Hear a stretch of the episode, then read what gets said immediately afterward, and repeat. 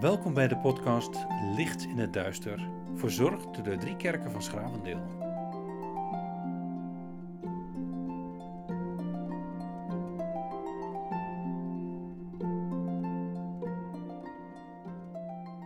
Het thema voor deze dag is: Doorbreek onze gewoonten en kom ons bevrijden. In Nehemia 4 lezen we: We werkten van de ochtend tot de avond en altijd werden we beschermd door de helft van mijn mannen. Ik had de mensen die aan het werk waren ook de volgende opdracht gegeven: Iedereen moet met zijn mannen, ook s'avonds, in Jeruzalem blijven en niet naar huis gaan.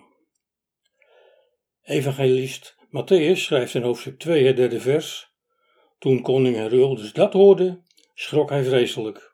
Ook de andere mensen in Jeruzalem schrokken.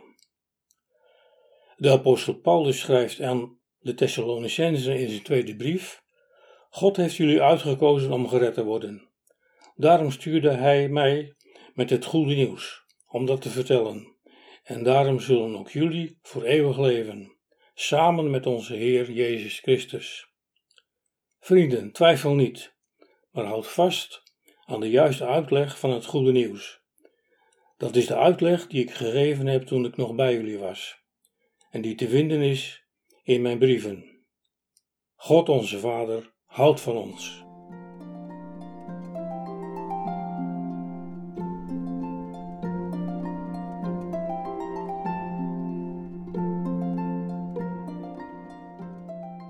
De Heer kwam onder ons en verstoorde de aardse gewoonten.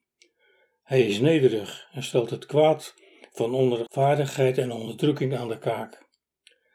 Dat kwaad gaat gepaard met het streven naar macht en status, zoals we zien bij verschillende machthebbers in deze wereld.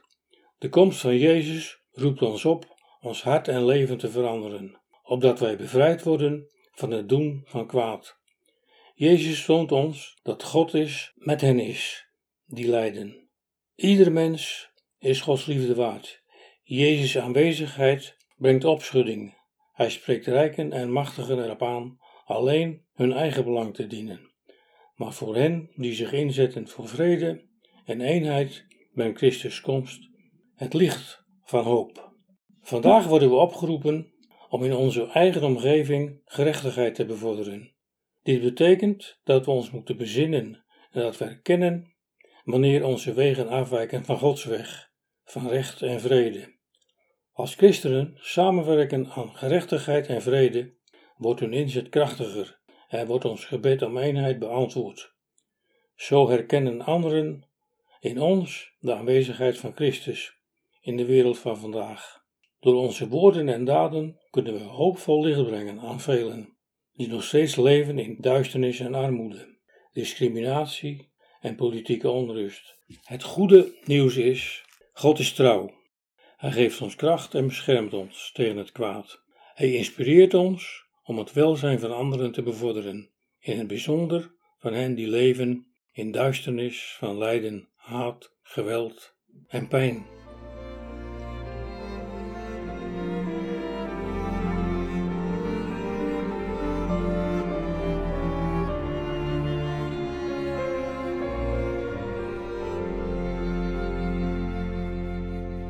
Vader in de hemel, u hebt ons uit de duisternis naar Jezus geleid. U hebt de ster van hoop in ons leven gebracht. Geef dat wij ons samen inzetten om uw heerlijkheid van liefde, gerechtigheid en vrede zichtbaar te maken. Help ons om een licht van hoop te zijn voor allen die leven in de duisternis van manhoop en teleurstelling.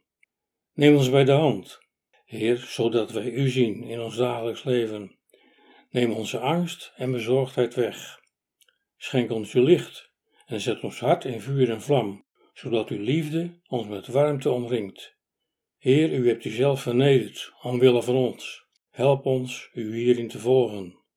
En in onze gebeden denken we ook aan hen, meestal veraf, maar ook dichtbij, die in onrechtvaardigheid en verdrukking lijden. Via pers en televisie horen en zien we er bijna dagelijks van. Onderdrukt door het regime. Maak dat ons leven u verheerlijkt, o Vader, Zoon en Heilige Geest. Amen. Fijn dat u geluisterd hebt. Morgen is er weer een podcast. We luisteren nu nog naar Heer, uw licht en uw liefde schijnen.